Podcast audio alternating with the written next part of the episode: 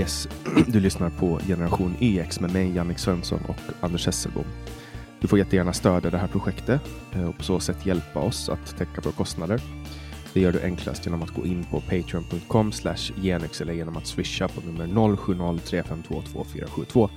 Länkar och nummer hittar du i beskrivningen eller på vår hemsida www.genex.se.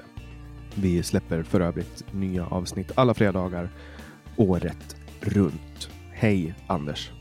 Jag tycker det är så klas ut av dig att eh, jag frågar, ska vi börja? Ja, säger du. Och jag trycker på rec-knappen och du rensar strupen inför alla lyssnare. Jag ska lära dig lite vett och etikett vid tillfälle. Hej förresten, Jannik. Hej, jag var på en... eh, Alltså nu rensar jag strupen igen. Jag, jag hoppas att det är okej. Jag har, det blir alltid så när man börjar rensa strupen för att man tror Ja. att man har någonting där, då får man någonting där. Men så här, jag var vid en eh, korvmoj och inhandla lite saker och du vet ju hur det är vid korvmojar, de hänger upp löpsedlar. Ja. Och det är slående, jag vet inte vad, om det här säger någonting om tidningarna eller om det säger någonting om, om samhällets intresse, men den ena var så här, Aftonbladet, familjen Hussein, chocken för Glenn Hussein. Anton ringde efter sitt namnbyte, kom överens om att vi måste prata. Och på den andra så står det... Mm. Ja, Får jag bara det var- kommentera relevansen i den där för allmänheten? Det måste ju vara absolut noll. Det kan ju inte finnas någonting annat än att de säljer på namnet Glenn Hussein. Men okej, det är väl eh, tabloidpressen av idag. Okej, Mm. Glenn Hussein. Yes, och, och sen har vi då Expressen och som jag tycker har gjort lite eh, journalistiskt arbete genom att toppa nyheterna med pojkar våldtagna och rånade under nio timmar på kyrkogård. Fredrik Sjöhult, samhällets misslyckande. Jag skulle nog säga att om det verkligen har hänt, då är ju det en riksnyhet. Det borde vara stoppa pressarna på den, skulle jag säga. Men under så har Mm. de Anton raderar ut Glenn, bråket om nio nej, men, nej men alltså, rätta mig om jag har fel, men en våldtäkt är ju mer än bara en våldtäkt. Det är ju hot mot det fria samhället. Ett fungerande samhälle, där lever man inte med risken att bli överfallen eller vad det nu kan vara för Men något. det här är alltså inte bara en våldtäkt, det här är alltså en nio timmars våldtäkt på två Ja. minderåriga pojkar på en kyrkogård. Ja, nio timmars våldtäkt på två minderåriga pojkar. Ja, det är fortfarande ett problem. Ja, Det är alltså jag, kan, jag, kan, jag, jag får liksom inte in det. I, i, Nej. min- jag får inte in det i mitt huvud. Alltså, för det första, sen när har pojkar liksom börjat bli våldtagna sådär ute på, i det fria? Ja, men det har alltid hänt. Det är bara det att det har varit en kraftig minoritet av alla offer, men det har alltid hänt. I- Jo, jag säger inte att det inte har hänt, men jag menar, det, här, det är ju inte första gången man ser den här rubriken Nej. eller läser om, om pojkar som har blivit våldtagna. Det är ju någonting som sker. Eh, Ja, men alltså jag är ganska avtrubbad. Jag bor ju i Örebro och här har vi ju Vivalla och i Vivalla så begicks ju det värsta kriminella gärningen någonsin skulle jag väl säga. Där en man mördar en flickas mamma och våldtar flickan hela natten bredvid liket. Så vi är väl rätt avtrubbade antar jag. Och jag tror att det bygger väl mycket på det, att vi inte är så speciellt besvärade av att bo i ett samhälle där det skjuts och där det våldtas, men vi är lite besvärade av bilden av att vi gör det. Så vi har ju ett eh, Sverigebildsinstitut och sådär. ja, den här regeringen som sitter i Sverige är ju väldigt mån om Sverigebilden utåt. Det Ja, kan vi konstatera. Och också Ja, att man och- pratar om bilden. åtminstone så är de mån om fasaden. Ja, det är för jävligt om man ska vara helt ärlig. Alltså jag, jag tycker... Ah, Nej men vadå? Alltså, det, det är klart, det, jag, jag tänker inte hoppa in i någon så här SD-retorik och bara allt är invandrarnas fel och hit och dit. Men jag tänker inte heller hoppa in i den här retoriken att ja, men vi har varit naiva, vi har misslyckats. Alltså jag tror att det här, det här är problem som uppstår när man väljer att inte ta ansvar. Det är viktigare att hålla på, Mm. Hå, hålla på med massa jox eh, än, att, än att verkligen gå in och ta tag i det här. Alltså hur ska man kunna göra det här när man har för lite poliser i Sverige till exempel? fast vi är naiva, det tycker jag det är en ursäkt som håller tio gånger elfte gången börjar det på att bli patetiskt. Men problemet är väl att vi kanske är uppe i tjugonde gången. Så, eh, men, men alltså, jag är inte bekymrad, därför att jag tror för det första att Sverige har en väldigt hög fallhöjd, det vill säga Socialdemokraterna raserar ett väldigt fint och välfungerande land. Vilket betyder att de kan hålla på att rasera det väldigt länge utan att det för den sakens skull blir ett dåligt land. Och sen vill jag ju också nämna, som en parentes, att det är ju Socialdemokraterna i princip som har byggt upp det här landet. Och jag vill inte, jag vill inte ge all cred till Socialdemokraterna för det. Därför att hade det skett utan pockandet från oppositionen så hade ju landet verkligen varit en katastrof. Men Socialdemokraterna ska ha cred för att de har byggt upp landet och eh, och oppositionen ska ha cred för att de har liksom petat på Socialdemokraterna när de har blivit för feta, rika och lata. Mm. Och det vill jag säga på en gång, att i Sverige så är det vänstern som är borgerlig. Och jag ogillar skarpt att man kallar högern för borgerlig. Därför att högern i Sverige, det är ju den som bryr sig om den, den lilla människan, som ser till att det inte blir för höga skatter för samhällets svaga skull, som ser till att man ska försörja sig på arbete och sådana saker. Medan det är vänstern som äter gåslever och bor på lyxhotell när det är Almedalsvecka och sådana saker. Men jag, jag har sagt det här förr kommer jag på nu. Men det här passar, det här passar ju inte, inte narrativet. Men jag tänker, vad säger det här om mm. det svenska samhället? Att å ena sidan så gör ena stora kvällstidningen bedömningen att ah, men idag är det Glenn Hussein, hans son mm. har bytt namn. Det är fan det största som har hänt i Sverige. Det här ska vi ta upp. Det, här ska vi det passar visst narrativet. Får, får jag eh, utveckla en gång till så får vi se om jag kan lyckas övertyga dig. I Sverige så säger man att alternativmedia är farlig och gammelmedia är god och objektiv och positiv och allt vad det nu är för någonting. Men gammelmedia är ju ofta ja, klickjägare. Så igen, alltså vänstern är väldigt kapitalistisk i Sverige. Man hyllar en tidning som kanske möjligtvis då egentligen bara är på klickjakt. Jag menar, vi har ju haft tidningsrubriker som Anna Bok trasslade in håret i sin hårsnodd när hon besökte badhuset har varit tidningsrubriker i Sverige. Men det, men det handlar ju inte om att folk köper tidningarna. Nej, men det handlar ju inte om att det är nyhetsvärde, utan det handlar ju om att de kanske får fler klick om det är så att de publicerar. Ja, men det här är ju, det här är ju löpsedlar som ska promota ja. tidningarna. Alltså, ja, eller visst, sälja tidningar, men då kommer ju du tänka, åh vilka idioter de är på Aftonbladet eller på Expressen som skriver så här och sen så klickar du eller köper tidningen. Så det handlar ju om att man vill vara dålig. Ja, men å ena sidan så har vi, på, på ena extremen har vi minderåriga pojkar som blir våldtagna ja. eh, på, på, i många, många timmar på, på eh, kyrkogårdar. Och, och, mm. och, på andra sidan har vi Glenn Hussein som är typ en hockeyspelare från, en pensionerad hockeyspelare från Göteborg. Visst är han? Det är ja. väl det han är känd för? Alltså jag har ingen aning, jag är inte sportintresserad. Jag vet bara att det finns en skön snubbe som heter Glenn Hysén som dyker upp i media och i reklam ibland. Jag har ingen koll alls. Men han är ju inte purung av vad jag kan förstå, så han är väl en pensionerad idrottsman och förmodligen ja, en spelar, framgångsrik sådan. Han var tydligen fotbollsspelare, så mycket vet jag.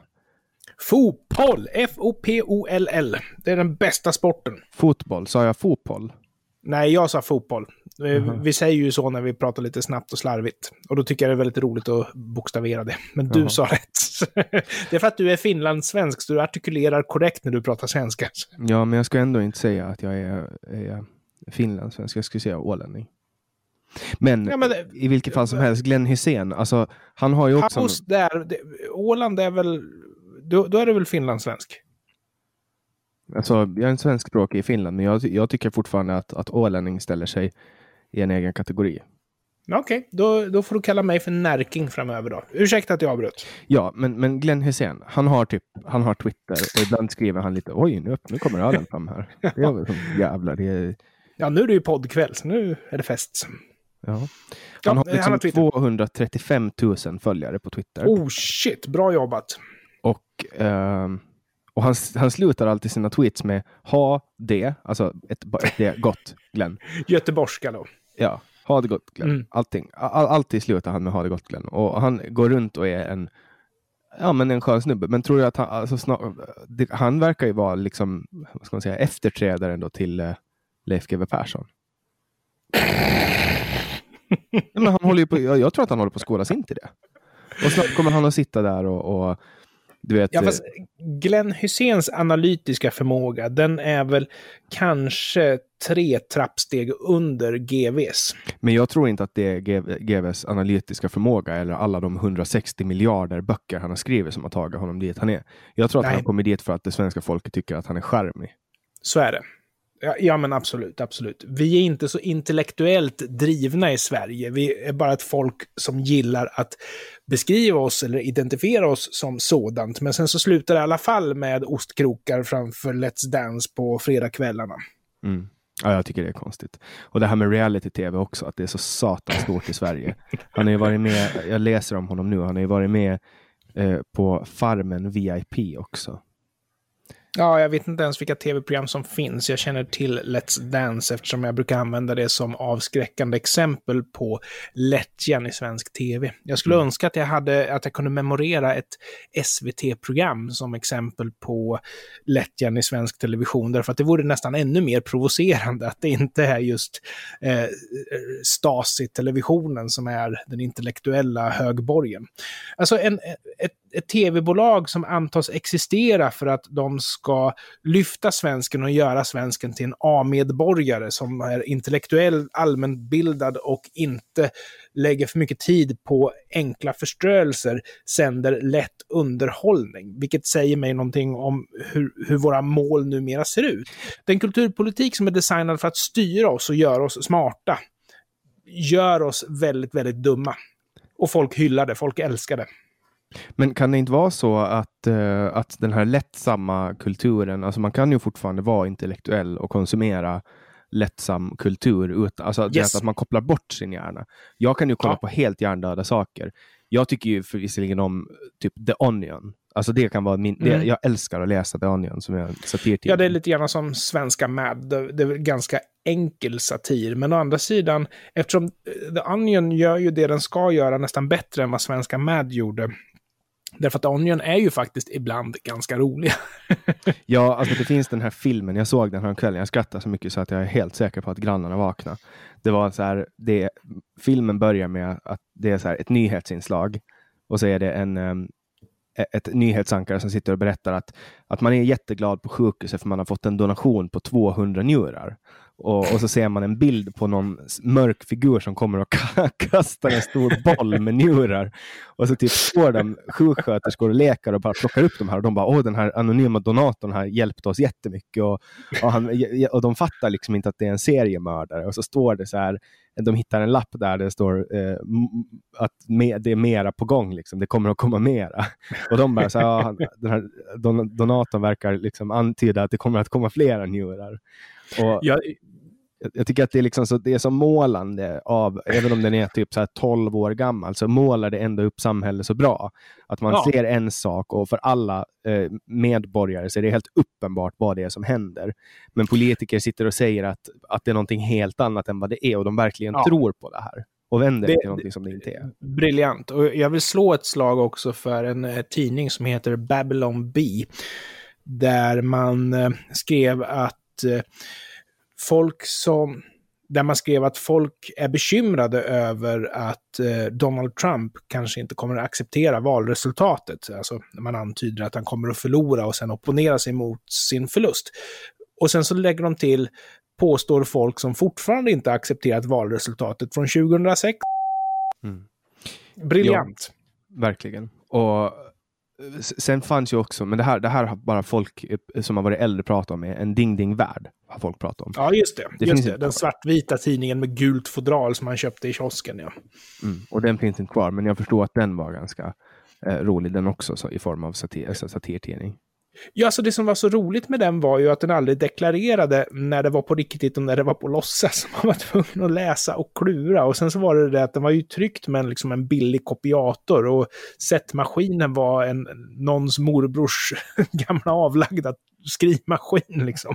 Det var helt briljant. Och n- det här när de fångade in snömän och rymdvarelser och allt vad det var, så bidrog det ju till mystiken att bilderna, bildkvaliteten var helt värdelös. Mm. Jag sitter och kollar på gamla faksimiler från en Ding Ding Värld. Ja, Eh, okej. Finns det på nätet alltså? Ja, jag bildgoogla. Då kommer jag att bli sittande, för jag har inte sett en sån där sen jag bläddrar i en på, ja, kan varit runt 90 eller något sånt där. Den här typ, eh, nu vet jag inte om det här är en Ding Värld, men det låter så. Vaxdockan av Hitler gråter riktiga tårar. Ja, det låter som en Ding Värld. Absolut. Absolut. Och det som jag gillar var ju just som sagt att som ung så fick man klura. Mm. Idag så kan man väl kanske ana att okej, okay, de snöt väl allting ur näsan, men på den tiden kunde man inte bingoogla på Alta Vista, så man var ju tvungen att liksom tänka själv. mm. Ja, men här typ uh, utomjordingen träffade Amerikas talman. Och så är det en bild, bild på en utomjording som skakar hand med Bill Clinton visserligen. Det enda som gör att man måste tänka själv idag, det är ju de här självutnämnda sanningsförvaltarna. Eh, viralgranskaren och faktiskt.se och de här som kan ha helt fel under förevändningen att de har helt rätt.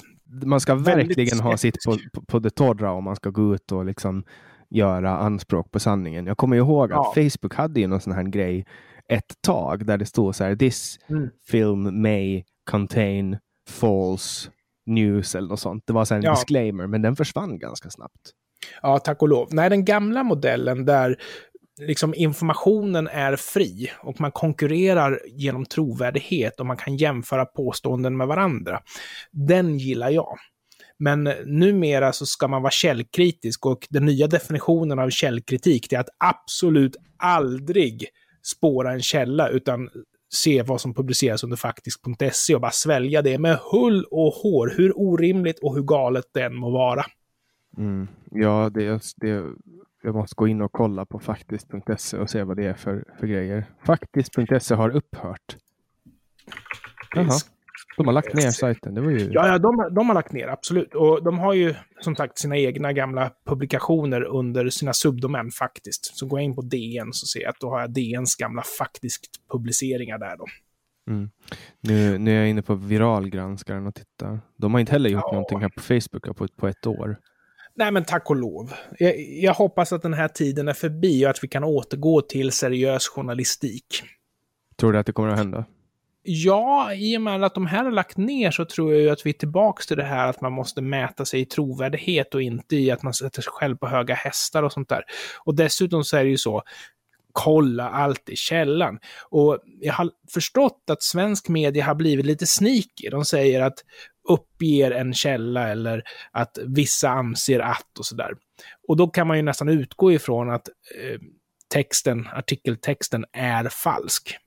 Mm. Men däremot, länkar de till till exempel polisens pressmeddelande när någonting har hänt, då är det tvärtom. Då behöver man liksom bara gå in och kolla, okej, okay, är det här polisens uppfattning också? Då är det väl förmodligen ganska så sant.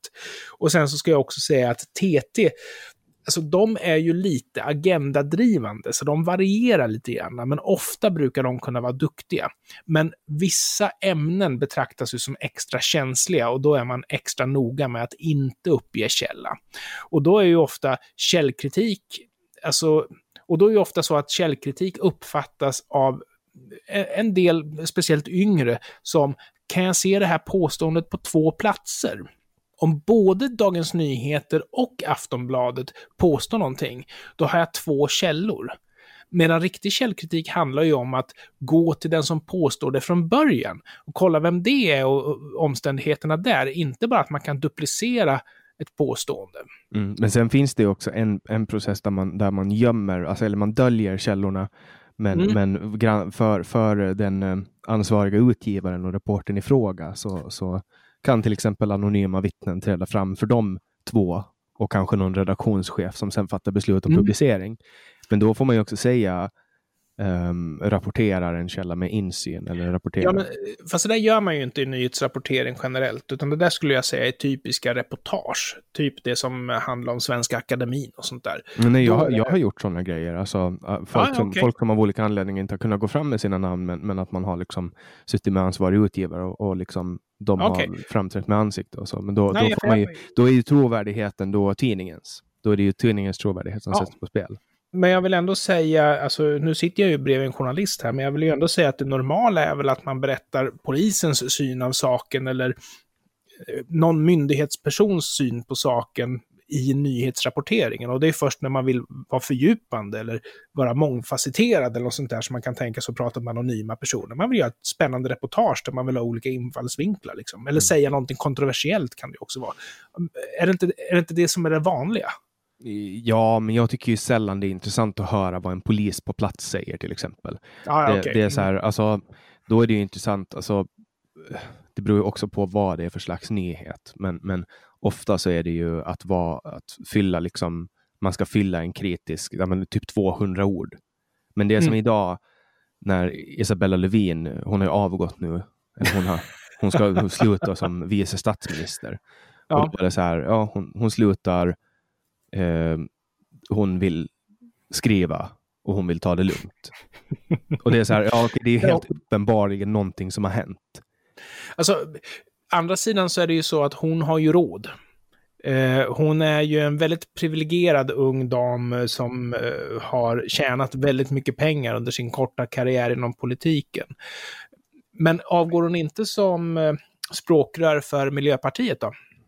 Jo, men alltså, nu ja, måste jag bara få fråga dig. Du kallar henne för en ung dam. Hon är född 1963. Vadå ung ja, okay. dam? En, en dam i sina bästa år. Hon, hon är inte lastgammal. Hon är väl äldre än dig till och med? Ja, ja, det är hon. Nej. Men för att vara politiker i Sverige så är hon väl kanske gammal. Men för att vara politiker så är hon ju faktiskt relativt purung. Hur gammal är Joe Biden?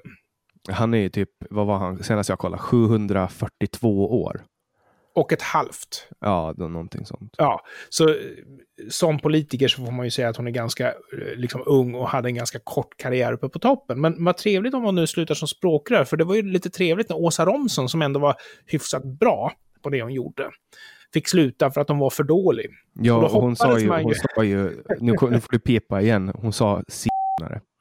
Och ja. det fick hon inte säga. Det var också så här världens... Jag tänker jag faktiskt inte pipa bort. Jo, Där går du, gränsen. Du, vi måste varje vecka från och med nu så måste vi säga någonting så pass grovt att du måste pipa bort det. Senare, senare, senare. Men är du säker på, ska jag pipa bort senare? Ja. Okej, okay, jag vi pipar bort kränka minoritetsgrupper. Fast men, vi kränker dem inte, vi säger ju deras namn. Jo, men vi, vi får inte göra det. Vi, bara, okay. vi slutar diskutera det, vi ska inte göra det längre. Okej, okay. okay, men, men Isabella Lövin då, hon har jobbat ju som journalist förut. Mm. Uh, och, och hon har jobbat på Sveriges Radio. Blev du förvånad eller? Oväntat. Och sen har hon skrivit, sen har hon skrivit, hon har ju varit, hon har ju varit liksom fiskeripolitiker. Hon har ju pratat om fiske. Mm. Mm. Eh, och sen gick hon med i Miljöpartiet 2008. Och ska vi se, hon har suttit som Europaparlamentariker. Eh, mm. Hon kom in 2009 och sen då så har hon också varit statsråd. Jag undrar om hon har suttit i riksdagen. Det borde hon ha gjort. Ja, jag har ingen aning alls. Ja, men det spelar ingen roll om man är... Ja, hon har i alla fall varit statsråd. Hon har varit biståndsminister. Mm. Och eh, nu i den här regeringen då så är hon, ja, vad är hon, någon klimatminister eller något sånt kanske? Jag, jag, vet bara att just miljöpolitik är väldigt starkt knutet till biståndspolitik i Sverige. Mm. Men vi ska göra en, en liten, eh, vi ska flyga tillbaks till Almedalen 2018 när hon eh, blev konfronterad med, det var ju de här partiledardebatterna. Ja, jag kommer ihåg det där. Mm. Och då mm. blev hon konfronterad med en, eh, alltså Belinda Olsson och tar fram en liten bil, en liten dieseltruck mm. och bara pickis och bara, ah, vet du vad det här är? Och hon bara, ja, ah, det är en, en bil, en pickup. Och hon bara, ah, varför tror du att jag lyfter fram den? Och hon bara, ah, ja, och så ser Belinda Olsson, ja men alltså ni har en sån här i din familj. Det här är en av de mest skitiga och mest alltså, skitiga bilarna som finns. Och då börjar eh, Levin så här snirkla sig. Bara, ja, men alltså. Min det är väldigt man, tunga stenar. Ja, men alltså bara, ja, exakt. Min man jobbar som skulptör och han kör runt på väldigt stora och tunga stenar. Mm. Och det är så här, det, det, är så här verkligen, det kommer en fråga från public service. Hatten av för public service. Hur mycket kostar de för att, att producera den frågan? Men, och så sitter hon där och vet liksom inte vad hon ska svara. För att hon har inte ja, men... övat på det här med någon PR-konsult innan. Men det var ju det jag skulle säga, att det var ju lite fest när Isabella Lövin blev efterträdare till Romson eftersom, alltså för det första, det var väl framförallt Gustaf Fridolin som hade gjort bort sig mest, men det är ju alltid en kvinna man ska offra, så det är ju liksom en Men regel. vad var det han hade gjort? Det har jag glömt. Nej, men det var väl allt möjligt från att fixa skolan på hundra dagar till att han hade jobbat med Mehmet Kaplan i 20 år och allt vad det nu var för någonting. Så han var typ 11 år när han blev proffspolitiker påstod han och sådär. Det var helt bisarra grejer. Men då är det klart, då måste Åsa Romson få sparken. Men Isabella Lövin, hon har ju varit liksom, hon har varit en fest. The gift that keeps on giving. Det var ju hon som ena dagen säger att jo, men politiker måste få flyga. Och vi måste få flyga första klass så att vi är fräscha när vi kommer fram. Och samtidigt säger att jo, men jag tycker nog att frun ska ta och stuva in familjen i en sån här Christiania-cykel cykel när de ska åka och storhandla, för då använder man inte bränsle. Så hon var en extrem, eller är en extrem klassmänniska. Ja, ja, alltså det är ju bara att kolla på hennes flygresor. Hon gick, ja. ju, hon gick ju till val på att göra det dyrare eh, att flyga och sen väljer hon själv eh, nästan alltid lyx, mm. alltså business class. Och just det här att näringslivet, nej men Christiania cykel, stuva in barnen i en Christiania cykel. Medan politiker, nej men vad då flyga turistklass? Det går väl inte? Är ni några jäkla kommunister här eller? Liksom? Nej men hon är helt bizarr, den människan. Och det är det jag lite grann menar, att det handlar ju inte så mycket om miljöpolitik, utan ofta när man diskuterar miljöpolitik inom Miljöpartiet så är det ju symbolfrågor.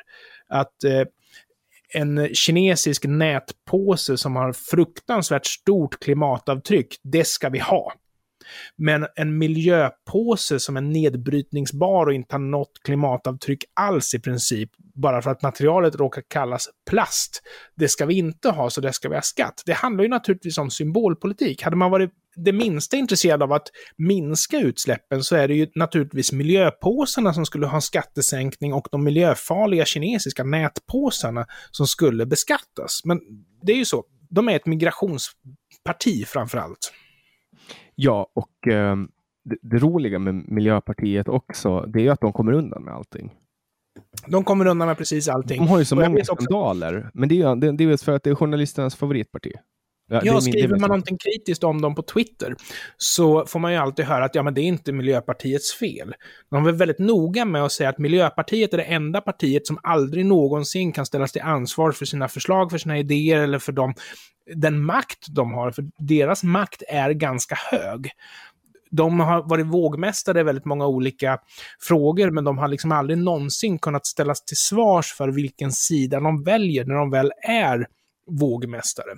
Så jag tror att det finns, det, det finns en väldigt stark offermentalitet inom vänstern generellt i Sverige, men just i Miljöpartiet så är den extra stark. De är mm. liksom ett offer för omständigheter alltid.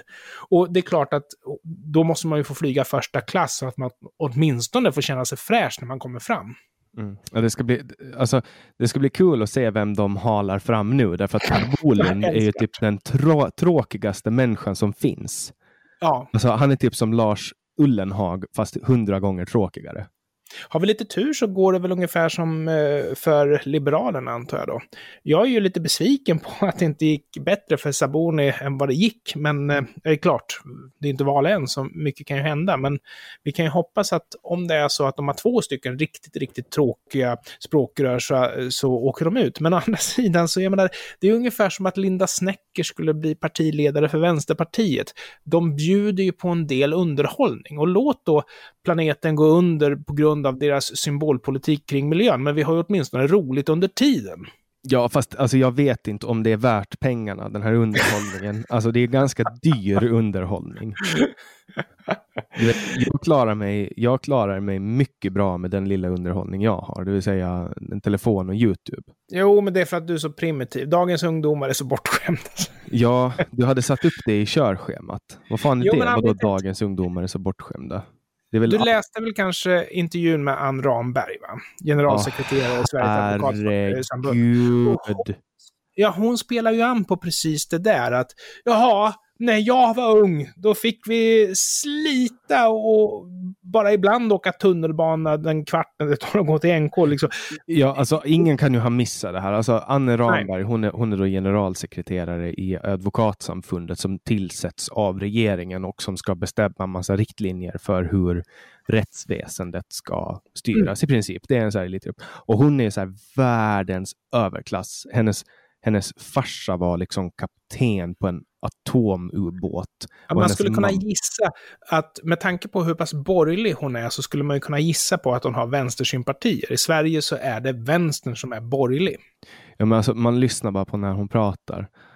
Ja, alltså, vi alltså uh, det bara ja. ryser i hela kroppen. För hon är så överklass utan att hon ens förstår vad det handlar om. Och jag antar att anledningen att du har satt upp henne på listan är just den här grejen att hon, hon var med eh, vad heter hon, Åsa Lindeborg och gjorde ett, ja. ett, ett, ett hemma hos-reportage där hon säger att Nej, men jag växte inte upp under så jättejobbiga omständigheter. Alltså, eller under, jag hade det inte superbra. Alltså, min mamma till exempel, hon, hon, eh, spa, hon, hon gick till NK. Hon, hon, tog liksom, hon, spa, hon tog inte spårvagnen till NK. Uh, eh, och då bodde I hon liksom, i onödan. Då hon bodde gjorde hon det, vid Strandvägen, alltså typ en mm. av Europas dyraste jävla gator. Uh, ja. Fick gå i 15 minuter. Och sen, kom, sen fick hon äta oxfilé ibland och det var lyx när hon fick äta oxfilé.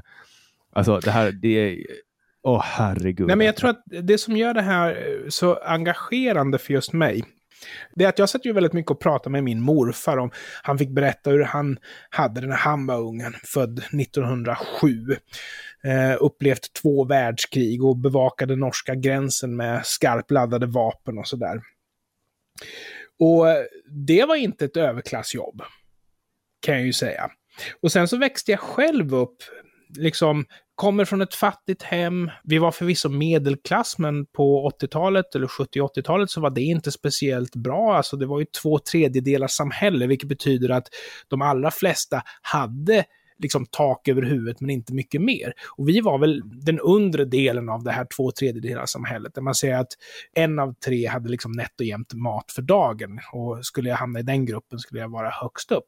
Men det innebär att jag hade liksom ingen grundplåt att stå på. Så när jag då som ung förälder var tvungen att dra in pengar så försörjde jag mig som springvikarie och det innebär att jag fick liksom cykla oavsett avstånd för jag hade ingen bil och det gick inga bussar på den tiden som jag började. Det kunde vara liksom ja, en mil. Och det kunde vara före plogen har vaknat och det kunde vara en meter snö på marken. Men då, då får man ju gå upp ännu tidigare så att man hann till jobbet i tid.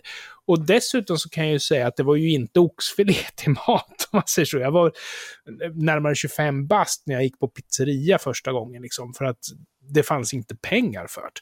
Och sen så Ann Ramberg, vars mamma inte alltid åkte spårvagn och bara fick oxfilé ibland. Men vadå, hennes alltså, morsa var advokat och de bodde på en, ja. en liten gränd vid eh, Strandvägen. Så å liksom... ena, sidan, ja, men å ena sidan så vill jag liksom erkänna det här att man gärna säger att ja, när jag var ung så hade vi åtta mil till skolan och vi blev kallblodigt mördade av våra föräldrar när vi kom hem. Att det, det finns överdrifter i det där. Men däremot så är det ju så att de som är i din ålder, ni kan ju knappast inte ha upplevt det här två tredjedelar samhället. Ni måste ju vara så jäkla födda med en silversked i munnen så att det liknar ingenting. Ja, alltså, vi, jag, menar, jag skulle inte säga att vi är födda med en silversked i munnen. Jag skulle säga att det är tidigare generationer som har slitit hårt och varit duktiga kapitalister och byggt upp ett samhälle som gör att man har haft mera att ge sina barn. Då vill jag säga det att Socialdemokraterna har ju byggt det svenska samhället, men det är inte trots att oppositionen pockade på, utan kanske snarare tack vare. Det var, in, det var individer som byggde det svenska samhället. Yes. Alltså att hålla, på, att hålla på ge allting till Socialdemokraterna, på samma sätt som man inte kan skylla allting på Socialdemokraterna, kan man inte ge allting till Socialdemokraterna. Jag tror att en, en ganska stor del i varför det har gått så fruktansvärt bra för Sverige under åren efter andra världskriget var ju det faktum att man hade en helt intakt industri. Det, det var mm. liksom inga bomber som hade bombat sönder Nej. oss. Det var liksom inga män som hade varit ute i krig och kom hem helt sårade och förstörda och sköt sig själva i utedassen.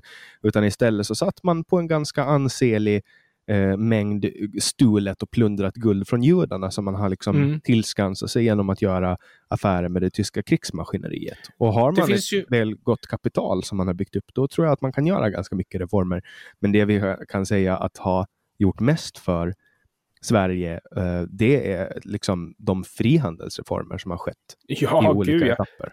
Men det här knyter ju an till vårt förra avsnitt. Dels vill jag ju säga att eh, i Sverige så finns det en ganska vedertagen uppfattning om att, okej, okay, det må ha varit socialdemokratiskt styre under kriget, men just en av mandatperioderna som var i början på 40-talet så var högern stödparti och således är det högern som är nazister och inte vänstern. Och jag köper inte det. Därför att det är vänsterns arkitektur vi pratar om.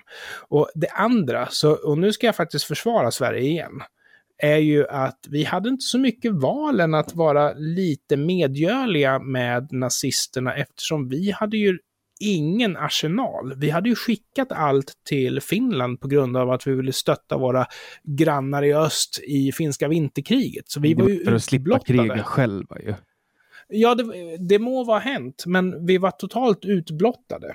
Men alltså, skulle Sverige ha gett sig in så skulle man sannolikt, alltså man skulle kunna ha gjort det man skulle, alltså, de skulle inte ha kunnat erövra Norge om, om, inte, om, inte Sverige, om Sverige inte skulle samarbeta aktivt och låta dem köra trupper och, och ja. Eh, förnödenheter.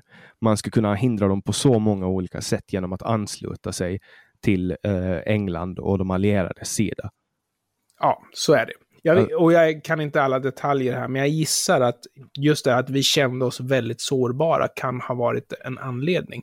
Men sen ska man ju faktiskt också, och nu eftersom jag sagt det, då måste jag också säga en annan sanning och det är ju att det fanns ju rätt mycket eh, nazistsympatier i Sverige. Och av någon anledning, eftersom vi får lära oss i historieböckerna att högern och nazismen är det som hänger ihop, trots att det var vänstern som hade makten, så är det av någon anledning ändå så att det är på vänstersidan som du har de nazistiska liksom, sammankopplingarna där. Så å ena sidan så är nazisterna extremhöger, å andra sidan så var de väldigt kompatibel med svensk vänster på den tiden. Och det fanns ju gott om exempel på högermänniskor som sympatiserade med nazismen, men tittar man på var någonstans eh, det kröp upp i makten, det här med rasbiologi och nazism, så var det i mångt och mycket på vänstersidan av någon konstig anledning. Så det klingar inte riktigt väl med det vi har lärt oss ifrån våra historielektioner. Nej, verkligen inte. Och, och vi har ju i Finland så samarbetar vi ju med nazisterna. Um, mm. Vi är allierade med dem. Men du kommer aldrig att höra en finne som förnekar det. Nej, men jag tror också att det beror lite grann på att, eh, alltså det är därför det är viktigt att göra upp med sin historia. Att förneka den och tysta ner den gör ju bara att det ökar risken för att den upprepas igen. Att göra upp med sin historia. Och jag, jag tycker nästan att Sverigedemokraterna har ju börjat få det här kravet på sig att de ska göra upp med sin historia. De kommer ju aldrig erkänna sitt nazistiska ursprung, förmodligen inte. Fast jag, jag, jag upplever att de har gjort det. Okej, okay, ja, jag upplever att de har en väg framför sig där. Men skulle de göra det, då skulle de ju förmodligen Visst, det kommer ju alltid finnas de som säger ja men nu har ni ju själva erkänt, nu är det ännu värre. Men jag tror förmodligen att de kommer att kunna liksom, ja, bli mainstream av det. Men Socialdemokraterna har ju så pass mycket att förlora. Det är ett parti som liksom är 30 procent av väljarbasen eller något sånt där. Och de har en väljarbas som är extremt antinazistiska, som fullkomligt hatar nazism. De är inte speciellt rädda för rasistiska eh, uttryck om det är så att det vänder sig mot oppositionen. Det finns väldigt många antirasister på vänstern som använder rasistiska uttryck gladligen, husblatte och allt vad det är för någonting. Men i och med att eh, socialdemokratiska väljare fullkomligt avskyr nazism så har Socialdemokraterna allt att förlora på att göra upp med sitt förflutna. Och Aron Flams bok brukar ju bemötas med att ja, men det där står på Wikipedia. Och tittar man på Wikipedia så står det förmildrande texter som nästan skyller ifrån sig, men det, mm, vissa ja, erkännanden står ju där. Han ju också ett eh, extremt arkivarbete. Eh, ja. När han. Och, så, så, jag tror snarare att det handlar om att man vill inte göra upp med det förflutna, därför att om det är så att vi inte gör det så kommer det kanske tysta ut och dö. Men, men jag vill också säga, nu när jag hackar på Socialdemokraterna en tid, så vill jag också faktiskt säga att Centerpartiet i Sverige, de hade faktiskt eh, nazismen i sitt partiprogram ända fram till eh, början på 50-talet, där de pratade om arier och eh, raskvalitet och sådana saker i sitt partiprogram. Så Socialdemokraterna blev väl brända på fingrarna innan Centerpartiet blev det. Ja, nej, jag, har, jag har, tror aldrig jag har hört um, Annie Lööf bli konfronterad med det.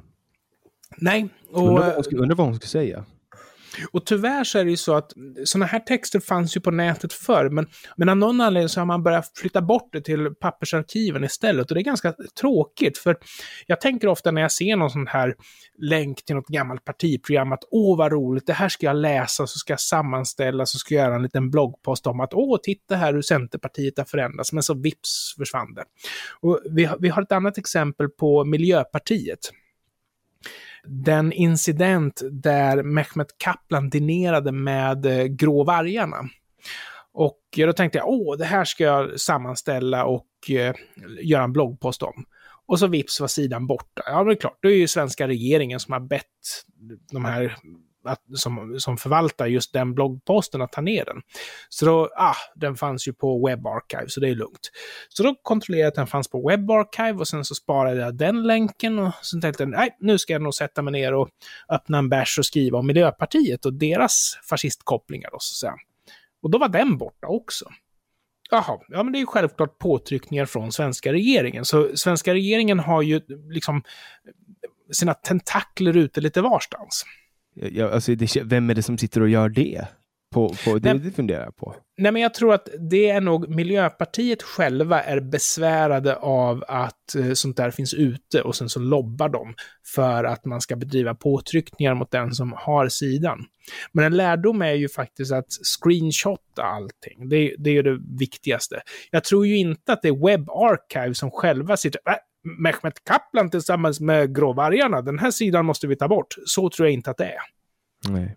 Men de är väl också en, en uh, organisation som är helt fristående?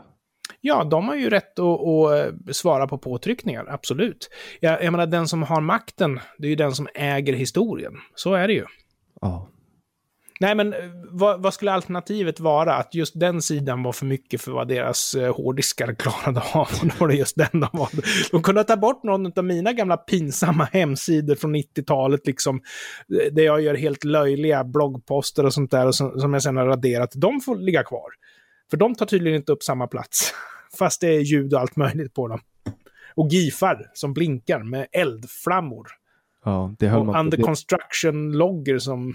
det höll jag på med. När jag var liten så satt jag och kodade i HTML för att eh, det var så man byggde sina profiler på olika ja. sociala nätverk. Ja. Eller sociala medier.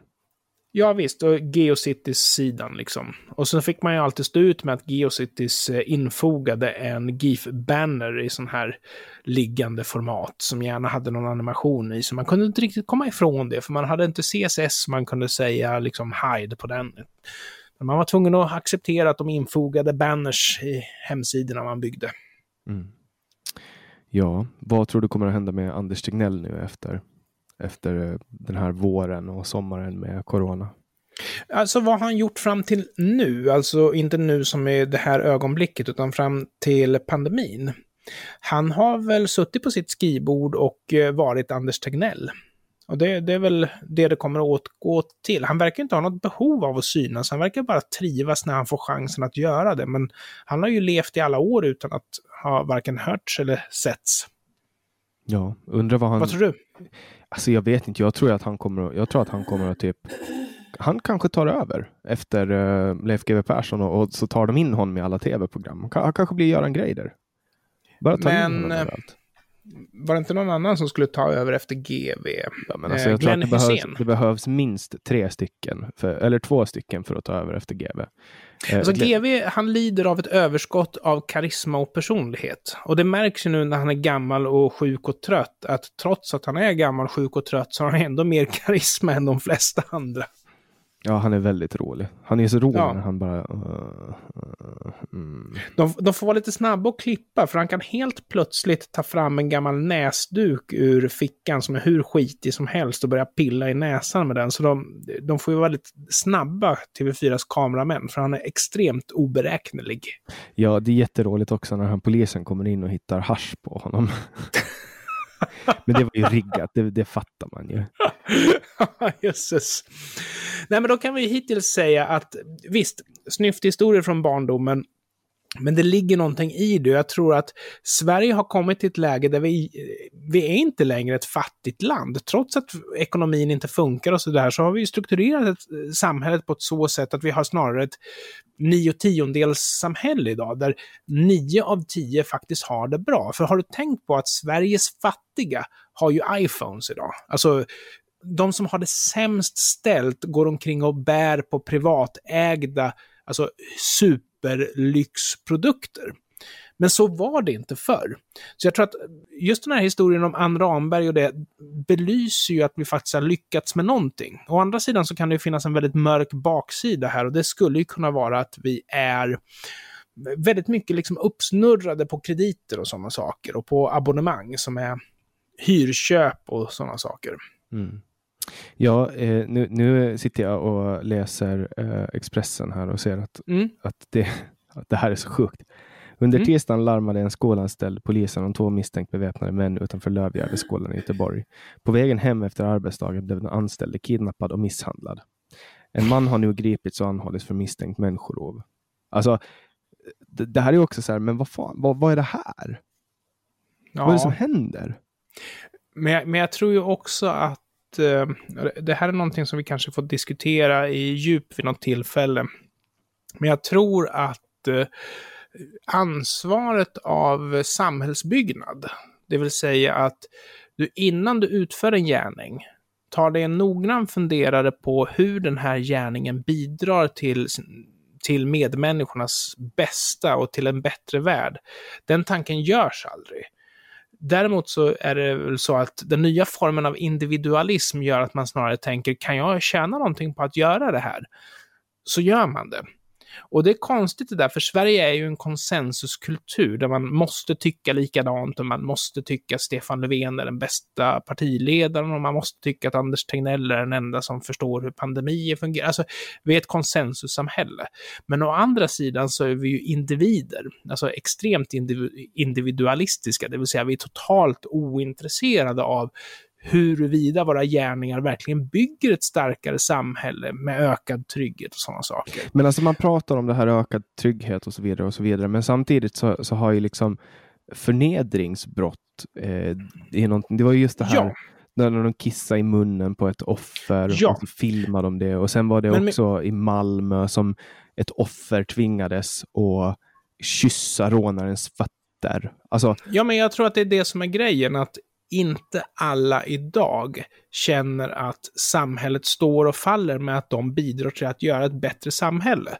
Jag, jag tror att den som slår ner en medmänniska och kissar honom i munnen, inte alls gör det i syfte att eh, bygga ett starkare och bättre samhälle som är tryggare för, för alla. Utan det är snarare så att man skiter i det. Men var kommer det ifrån? Var kommer det här ifrån? Det kommer ifrån att, eh, två saker. För det första så har de i min generation, som föder upp sådana eh, slymlar som din generation trots allt är. Ja, för det är vi som tortyrkissar på folk. Yes, de är snarare din ålder än min ålder skulle jag säga. Håller du inte med? Ja, sannolikt är det så. Ja, sannolikt. Vi har inte fört över attityden om samhällsbyggnad till nästa generation och där har vi en skuld. Det andra, det är faktiskt migrationspolitiken och det här säger jag inte för att jag säger att alla invandrare är kriminella eller att man är kriminell för att man har brun hy. Utan det här säger jag för att jag anser att svensk migrationspolitik har inte varit 100% optimal. Det har liksom varit 40% optimal. Om det är så att man bygger upp ett samhälle där människor inte känner att de får vara med och bidra, att de inte behövs. Alltså bidragssamhället säger ju en person att vi vill inte ha någonting av dig, men du kan få någonting av oss bara du är tyst och snäll. Gör att de växer upp i ett samhälle där de inte känner att samhällsbygge är det viktiga. Utan det är snarare att de finns i ett samhälle och sen så kan de börja exploatera på det. Men ponera att det, att det är så här då, som du mm. säger, att det här har med migrationen att göra. Då får, mm. ju, då får ju makthavare som har liksom som bestämmer över migrationspolitiken ställa sig frågan, är det värt att utsätta svenska folket för den osäkerhet som det här gör? Därför att kollar man mm. statistiskt sett, och det här framhäver ju Morgan Johansson hela tiden, att statistiskt sett så är det jätteliten sannolikhet att just du kommer att bli utsatt för det här. Yes. Men samtidigt är ju oron som är problemet, att människor alltså, oroar sig för det där lägger du faktiskt en ny grej på bordet. Så jag vill bara säga det angående migrationspolitiken, att det är inte invandrarnas fel att invandrare är överrepresenterade, utan det är snarare så att vi har inte ställt rätta kraven så att de känner att de är en bidragande del. Och jag hatar att behöva säga det, men inte alla invandrare. Självklart, alltså de allra flesta bidrar ju till samhället i långa loppet. Men ska vi peka ut ett problem med förnedringsvåldet så är migrationspolitiken en faktor. Och sen har, du, har du det här att, jo men sannolikheten att just du ska bli drabbad är liten. Det där gör mig vansinnig. Därför att du kan ju drunkna i badkaret, du kan halka och slå i huvudet och dö. Men badkaret har inte några onda intentioner mot dig det säger ingenting om att någon vill rasera vårt gemensamma samhälle att en människa halkar i badkaret. Det säger bara någonting om att vi måste bygga bättre badkar. Det är allt. Om det är så att någon dör, alltså 100 till 200 personer i Sverige dör bakom ratten varje år. Men det betyder ju inte att bilen vill oss någonting ont. Det betyder, alltså det, det, betyder bara möjligtvis att vi måste jobba med trafiksäkerhet. Men att någon slår ner dig och pissar dig i munnen, det säger någonting om vilka stämningar som ligger och gror i samhället. Det är, det är ett samhällshot. Det, det är skrämmande för att först så blir vi varje dag ihjälslagna av staten som pissar oss i munnen och nu helt plötsligt blir vi det av civilbefolkningen också. Mm. Det var meningen att du skulle skratta där, men du bara mm, för att du tycker att det är sant. Nej, faktiskt så satt jag och tänkte på, jag, jag, var inte klar med det jag skulle säga och jag satt faktiskt och tänkte på vad jag skulle säga för att bli klar. Och sen så sköt du in med någonting väldigt intelligent under tiden och då sa jag, mm, bra att det blev sagt. Och det jag skulle säga var att nu är vi alltså i ett läge där en av fem kvinnor har undvikit att göra någonting som de skulle vilja göra på grund av risken att bli överfallen. Alltså det kan vara överfallsrån eller överfallsvåldtäkt. Det är ju problemet. Mm. Inte, att, inte det... att kvinnor blir det, för det är också ett problem. Men, men alltså som Morgan Johansson och, och Jerzy yes. Sarnecki håller på bara, ja men sannolikheten att du kommer att bli utsatt är jätteliten. Men det spelar ingen roll om folk är rädda. Nej, det spelar ingen roll om folk är rädda. Och faktum är att ska man vara rädd för, om, om vi slår ihop överfallsvåld med överfallsvåldtäkter, så är män fortfarande den största gruppen av brottsoffer det är extremt få kvinnor som, som råkar ut för det här. Men faktumet är ju att vi lever i en samtid där det kan hända och kvinnor måste parera för det här. Och det där skapar irritation. Och jag pratade med en snubbe som sa att det stämmer ju inte att eh, en femtedel har blivit utsatt för våld. Nej, det stämmer inte. Det jag säger är att en femtedel av kvinnorna känner sig begränsade i sin rörelsefrihet på grund av att det kan förekomma att man blir utsatt för våld. Och jag menar, som sagt, fler män än kvinnor blir ju utsatta av eh, överfallsvåld. Det är nästan ett mindre problem eftersom de allra flesta män avstår inte att göra någonting de hade tänkt att göra på grund av det överhängande hotet. Utan jag tror att kvinnor är mer hjälplösa om det är så att tre män kommer fram till dem. Det är det som jag tror är problemet. Ja, eller att man och... säger det åt kvinnor ända från att de är små. Det är, yes. samma, det är samma det här med att att kvinnor i, i högre utsträckning uh, slår sig, uh, ramlar omkull och så vidare. Ja, just det. Så ska killar då ska upp och hoppa medan tjejer ska man klappa om. Liksom. Exakt, det är så här, var försiktig ja. där, var försiktig att du inte snubblar och typ så. Och, och då är man ju dels inte lika härdad och dels kanske inte har samma jag menar, alltså det här, de här små, mm. små eh, fördelarna som man får i början på en utvecklingsprocess blir ju sen till sitt stora gap. Där har vi ytterligare ett ämne som vi måste prata om. Men, men oavsett vilket kön du har, oavsett de faktiska riskerna, så är det så att du är inte riktigt fri. Du kan inte säga att du lever i ett fritt samhälle om det är så att du känner dig manad att ta höjd för eventuell överfallsvåldtäkt. Men då varför, har man misslyckats. Men, sen också så här, ja men eh, så här, ja, okej, vi har det här problemet, men folk får inte försvara sig för vi har vapenlagar som nu ska skärpas ytterligare. Så här, folk, får inte ja. ha, folk får inte ha pepparspray för att det är vapen. Mm. Alltså det där är ju, här har vi ytterligare en grej. Vi får, vi får skriva ett långt körschema du, för våra framtida avsnitt. Men är det så att du blir utsatt för ett inbrott i ditt hem, för det mesta så sker ju det när du är hemma. Och det beror ju på att eh, speciellt lägenheter i hyreshus har ju blivit så pass säkra så att det är svårt att ta sig in. Det är opraktiskt att ta sig in när någon inte är hemma. Men om man ringer på dörren och en gammal öppnar, då är det väl skitlätt att bara slå ner henne och ta hennes ägodelar. Liksom. Du också. Är det, är det sant? Varför mycket... har vi den här ratingen för? Ja, men det, det, låter mycket, det låter mycket roligare om du bara säger någonting så här helt. De vet ju inte vad du har sagt. De kan, det, kan okay. lika gärna, det kan ju lika okay. gärna vara ja, men någon jävla eller någonting. Det får du också pipa så att folk inte vet vad jag säger där, för att det ska verka okay. som att det var jättegrovt. Jag sa äldre dam, sa jag, fast jag uttryckte det inte med de allra bästa orden som jag kan tänka mig. Nej, och där skulle man ju kunna tänka sig att förståelsen för att man gör gärningsmannen illa borde vara väldigt hög om den som öppnar inte är en gammal jag piper det, utan en ung frisk man till exempel. Med en AK47. Nej, det är inte ja. det vapnet. Det är ju gangstervapen. Men, men problemet där är ju att här är ju också en sån här situation där regeringsanhängare både vill ha och äta kakan. För de säger ju å ena sidan att nej, nej, nej, man kan ju inte döda någon som gör inbrott.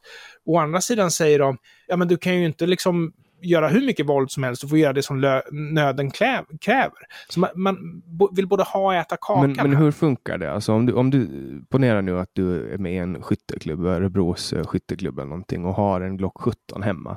Får du yes. använda den eh, om, om du får ett inbrott då? Jag vet faktiskt inte. Vad jag däremot kan säga är ju att vi har ju några sådana här exempel som har fått väldigt hög uppmärksamhet i media. Och ett sådant exempel är den här äldre herren som fick inbrott från två stycken mopedåkande ungdomar. Och eh, när han blev arg så drog de sig tillbaks och medan de flydde så sköt han dem till döds i ryggen. Och eh, han fick väldigt lågt straff för det ansågs vara rimligt. Och det var att de hade provocerat. Sen har du ett annat exempel på eh, en man som sköt ihjäl en psykiskt sjuk person som eh, drog kniv mot honom i hemmet, som fick väldigt högt straff. Och då antogs han veta liksom att den här killen var psyksjuk och sådär. Så det, det, är väldigt blandat. Att skjuta två friska personer i ryggen kan vara ett milt brott, medan de försöker fly kan vara ett milt brott. Men att försvara sig från att själv dö kan vara ett grovt brott. Det, det hela beror på att man förväntas liksom alltid kunna tolka situationen. Mm. Det vet ju alla som har varit med om en stressig situation att det inte är så jävla lätt. Nej, -huh. och det är det som är problemet, att det vore ju bättre om fokus var träng dig inte in i en främlings hem i syfte att misshandla och råna personen. Om fokus vore där så skulle vi inte behöva ha diskussionen om vad ska vi göra när så väl händer, utan då kunde vi vara lite toleranta mot att jag menar, om jag använder lite för lite våld än vad situationen kräver så finns det ju risk att gärningsmannen slår tillbaks. Mm. Men sen finns det också det här exemplet på uh, den här utvecklingsstörda killen då, Erik Torell som, som, som polisen runt, sköt. Ja, han sprang runt med en sån här rosa plastpickadoll och så sköt mm. de honom med typ 20 skott, bara meja sönder honom. Helt ja. bara tömde sina magasin. Uh, och de alltså, blev friade. Ja, eh, jag vet för lite. Det var säkert fel att de blev friade. Men jag kan tänka mig in i situationen att du har ett lågavlönat jobb som är absolut samhällsbärande att du utför. Och du utför jobbet med risk att själv dö och du kan helt enkelt vara rädd. Och så bor du i Sverige där det är massa skjutningar varje dag. Och så bor du i Sverige och jag menar, det borde få vilken person som helst att dra öronen åt sig och tänka att det här kan sluta illa. Så jag tror att om man skulle höja polisens status, till exempel genom att ge dem en skälig lön, då skulle man också kunna höja förväntningarna och kraven på hur de ska agera. Eller ge dem mindre grova brottslingar.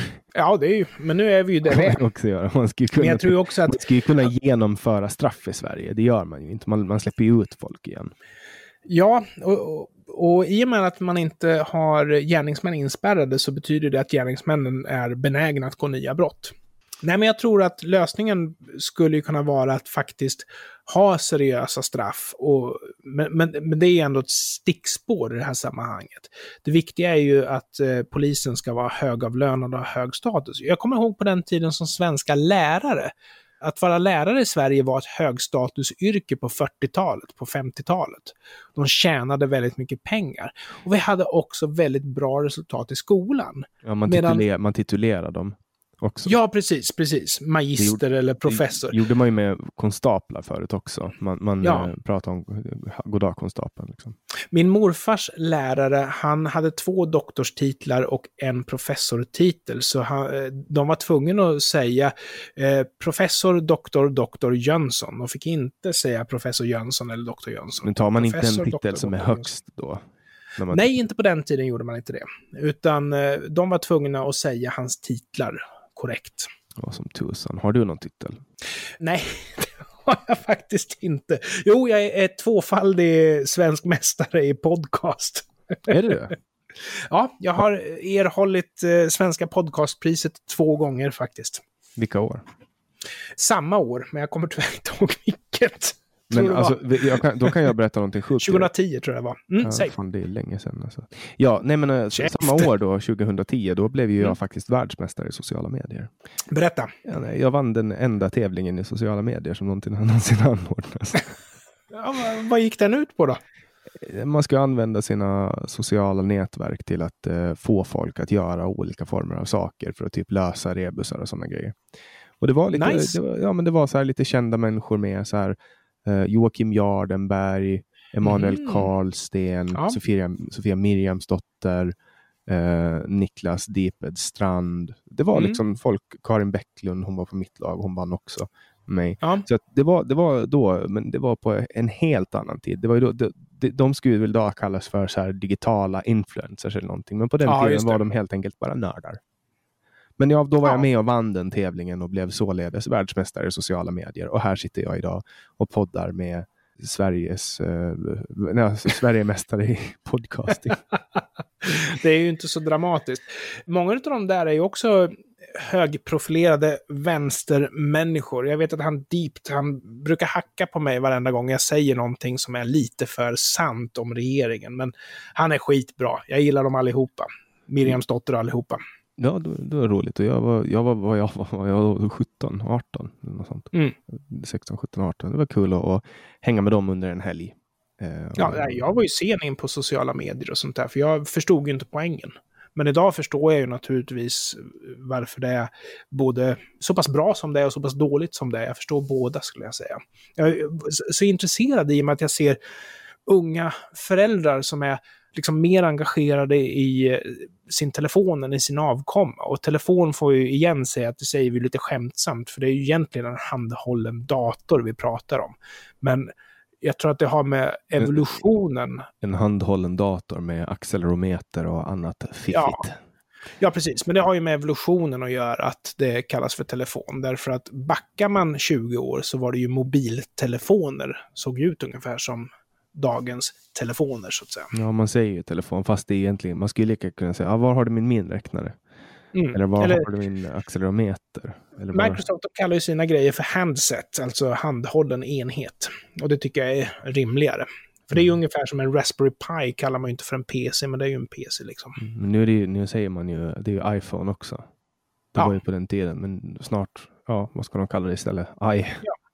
Jo, men man får ju säga, det måste ju vara formfaktorn som bestämmer, men det har ju lett till en del sådana här ganska bizarra diskussioner. Jag kommer ihåg framförallt då när Microsoft släppte en surfplatta. Och så visade det sig att den var mycket bättre än en, en iPad. Och då var bortförklaringen att ja, men det är ju en PC. Så iPaden är liksom en, en magisk eh, maskin med sås som gör massa saker, medan en Surface är en PC. Liksom. Mm. Men, jag har, jag, allt jag har är Apple.